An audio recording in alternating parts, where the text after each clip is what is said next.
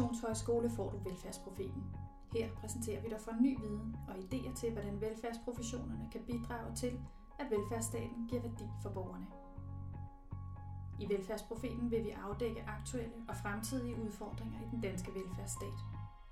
Det sker i samtaler med forskere, velfærdsprofessionelle, brugere og borgere.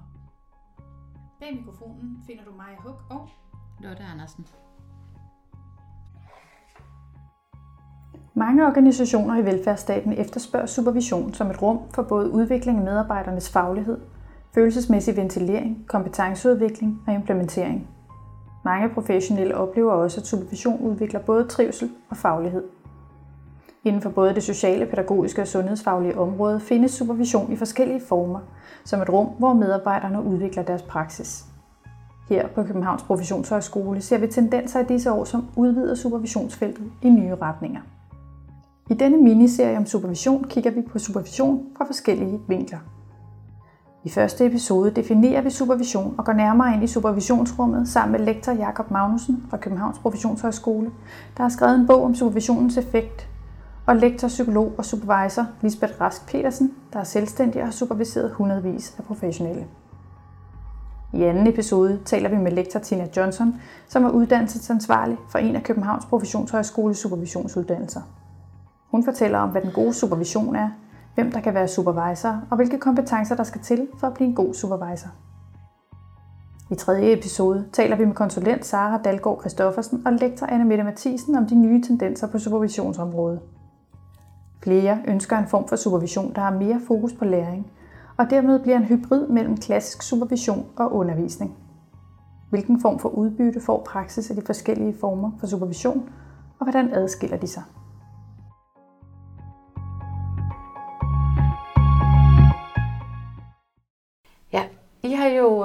Begge to arbejdede med udbud og tilrettelæggelse af supervision i forskellige sammenhænge og i forskellige sociale organisationer, både på myndighedsarbejdet og ude i øh, mere sådan udbyderområdet eller krisecentre. Kunne I indledningsvis fortælle, hvad er supervision for noget? Hvad består det af? Øh, ja, supervision. Øh, man kan sige, at der er tre formål med supervision.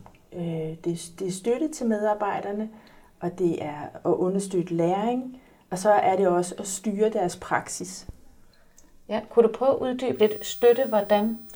Altså, når man sidder som for eksempel øh, sagsbehandler, myndighedssagsbehandler i en børne- og ungeafdeling, så oplever man jo rigtig, man møder mange familier og børn og unge, som har det rigtig, rigtig svært. Og der kan supervision være en måde at ligesom støtte medarbejderne i at håndtere øh, de mange svære situationer, som, som de møder i deres arbejde. Ja, så det er sådan en form for følelsesventilering eller sådan. Og så taler du også om styring. Hvad er det for noget? For det lyder som nærmest en modsætning til det med at have tryghed til at kunne fortælle det, der er svært.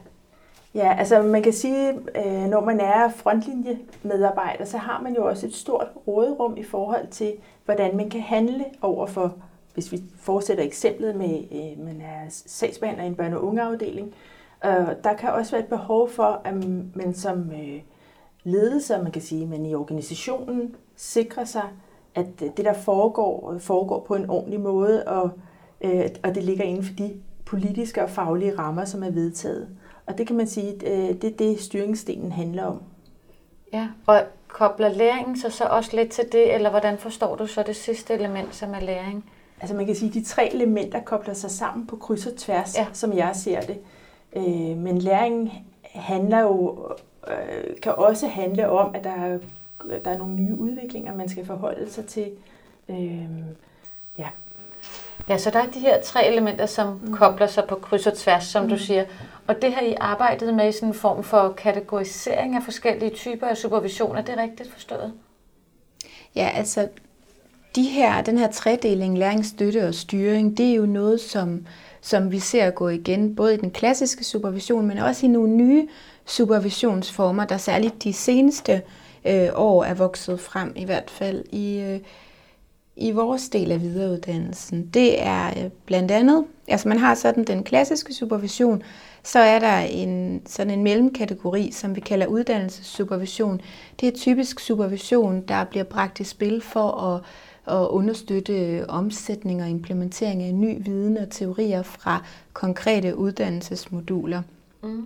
Øh, og så har vi den sidste kategori, som er sådan, ja, jeg er ked af det, men sådan lidt en rodet kasse af forskellige hybrider, men det man i hvert fald kan sige, det er, at det er noget med en kobling af noget undervisningsagtigt aktivitet og noget supervision, hvor man fokuserer på omsætning. Og det, der så er særligt ved den sidste kasse, det er, at supervisionen også kan øh, kan skubbe tilbage til undervisningen, og ligesom øh, at man gennem supervisionen kan opdage et øh, behov for noget undervisning, eller et behov for øh, bare lige at gennemgå et begreb. Det, behøver, det er ikke sådan undervisning med powerpoints og hele baduljen. Det er mere det her med sådan, at supervisor, der har noget mere faglig viden, end resten af gruppen lige øh, sætter scenen og siger, at det her begreb er sådan og sådan og sådan. Så man kan måske se det som altså et spektrum, hvor det ene ja. yderpunkt er den klassiske supervision, hvor det her med støtteelementet faktisk fylder rigtig meget, mm. og den anden ende af spektrummet, det er så undervisningssupervision, hvor læringselementet fylder meget. Mm. Men de tre elementer, øh, styring, læring og støtte, indgår i alle øh, mm. formerne for, for supervision. Ja. Og har I fået nogle sådan øh, tilkendegivelser af, hvorfor er det, at man ønsker sig sådan en type supervision nu? Siger det noget om en professionsudvikling, eller Altså jeg tænker, at den der diskussion med øh, forholdet mellem styring, eller hvilken rolle styringen spiller i, øh, i supervisionen, er utrolig interessant. Mm. Og der er helt klart sket en udvikling fra, at det måske nærmest blev set som sådan medarbejdergode, mm. i hvert fald nogle ja. steder, som ledelsen ikke skulle blande sig i, mm. til at ledelsen er kommet tættere på. Men øh, jeg, jeg tænker med det kendskab, jeg har, mm. ikke så tæt på, at der ikke stadigvæk er rigtig stort rum for mm. medarbejdernes ønsker og øh, forståelse af, øh, altså at være med til at, mm. medarbejderne er med til at rejse øh, diskussioner og finde ud af, hvordan man skal arbejde med tingene i praksis.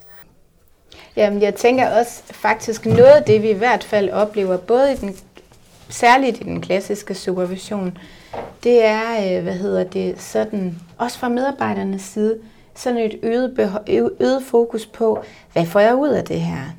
Altså, hvor det her med at ventilere, som man sådan klassisk har talt om, ikke rigtig helt er nok længere. Mm. Øhm, så det er sådan et, det oplever vi jo også på vores åbne uddannelse, på vores diplomforløb, et rigtig kæmpe fokus på, øh, hvad får jeg ud af det, hvad får jeg hjem, hvordan kan det her så hjælpe mig videre.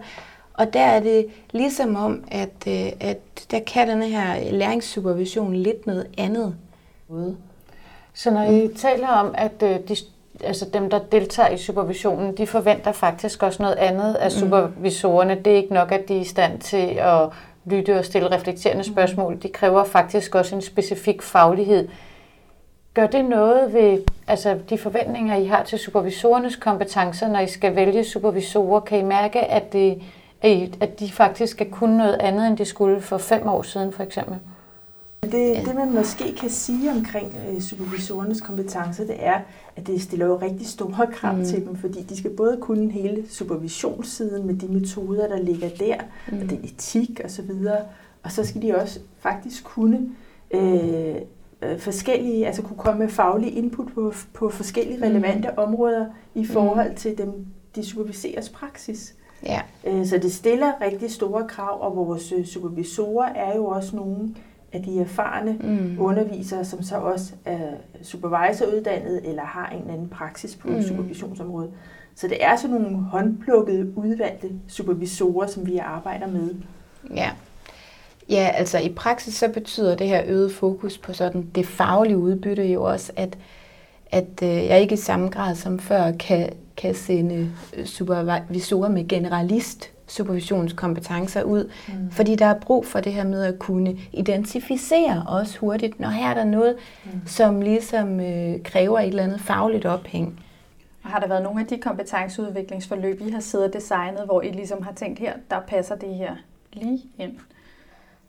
Ja, altså vi, det er jo tit sådan, at når man laver for eksempel et rekvireret uddannelsesforløb eller et eller andet til en, øhm, til en familieafdeling, et krisecenter eller lignende, så, så spørger øh, ledelsen selvfølgelig til, jamen, hvordan bliver det her egentlig øh, forankret? Hvordan, hvordan kan vi egentlig sikre, at medarbejderne når lidt videre en nye teorier, ny viden og ny inspiration, og til faktisk at synes, at de kan bruge det og kan koble det til praksis. Og der tænker jeg, at de her øh, øh, supervisionsformer giver rigtig god mening.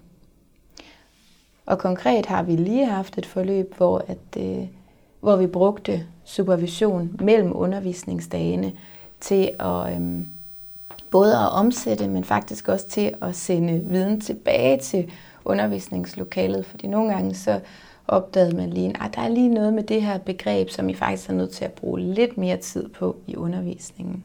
Og hvad var tilbagemeldingen på det?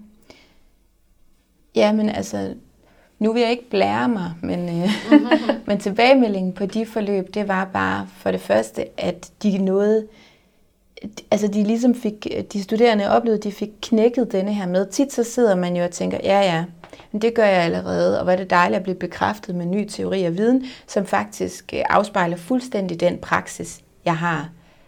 Og det, der skete i, i løbet af supervisionen, det var jo, at, at øh, medarbejderne fik hjælp til at kaste lys på de dele af, de, af deres praksis, hvor de så kunne skrue lidt mere på knapperne, lad mig sige det sådan, fordi at øhm, i undervisningen, så sker der tit det, når vi præsenterer ny viden og ny teori og metoder, at så er der en, en stor gruppe af studerende, der siger, at det gør vi allerede, og hvor er det dejligt at blive bekræftet i, at min praksis, som den er, faktisk bare øhm, passer med teorien. I supervisionsrummet til gengæld kan vi høre, at det er der praksis slår sprækker. Og det er der, at de studerende sammen med supervisor pludselig opdager, nå okay, lige der, der kan jeg faktisk se, at teorien og praksis ikke sådan helt passer. Og hvad skal jeg gøre ved det? Betyder det, at jeg skal handle anderledes, eller betyder det, at jeg skal justere min forståelse af teorien? Så på den måde, så bliver supervisionsrummet også, fordi det jo er altså et trygt samtalerum, et refleksionsrum, så bliver det en anledning til sådan at opløse de her selvfølgeligheder, man nogle gange kan have, når man bliver præsenteret for ny teori og metode. Så i de forløb, vi laver, der kan, der kan vi høre på de studerende og på ledelsen, men vigtigst af alt på de studerende, at de synes, det giver noget. Og Annemette, du har jo, også når du har planlagt undervisning, ved jeg været meget optaget af det her transferbegreb, altså mm. omsætningen af viden, man får i undervisning til praksis, og også noget af det her med, hvordan læring ikke er så meget noget individuelt, som man tænkte før, men også noget, der sker i kollektivet. Tænker du, at supervision i den nyere hybridform eller læringsform også er med til at skabe sådan en transfer i det kollektive læringsrum, hvor man både er sammen i undervisningslokalet og bagefter i de her mere øh, praksisrefleksioner, eller hvad tænker du om det? Altså jeg tænker, at supervision, og man kan sige måske særligt i den udformning, der er fået med det, vi kalder undervisningssupervision, er i høj grad øh, transferunderstøttende.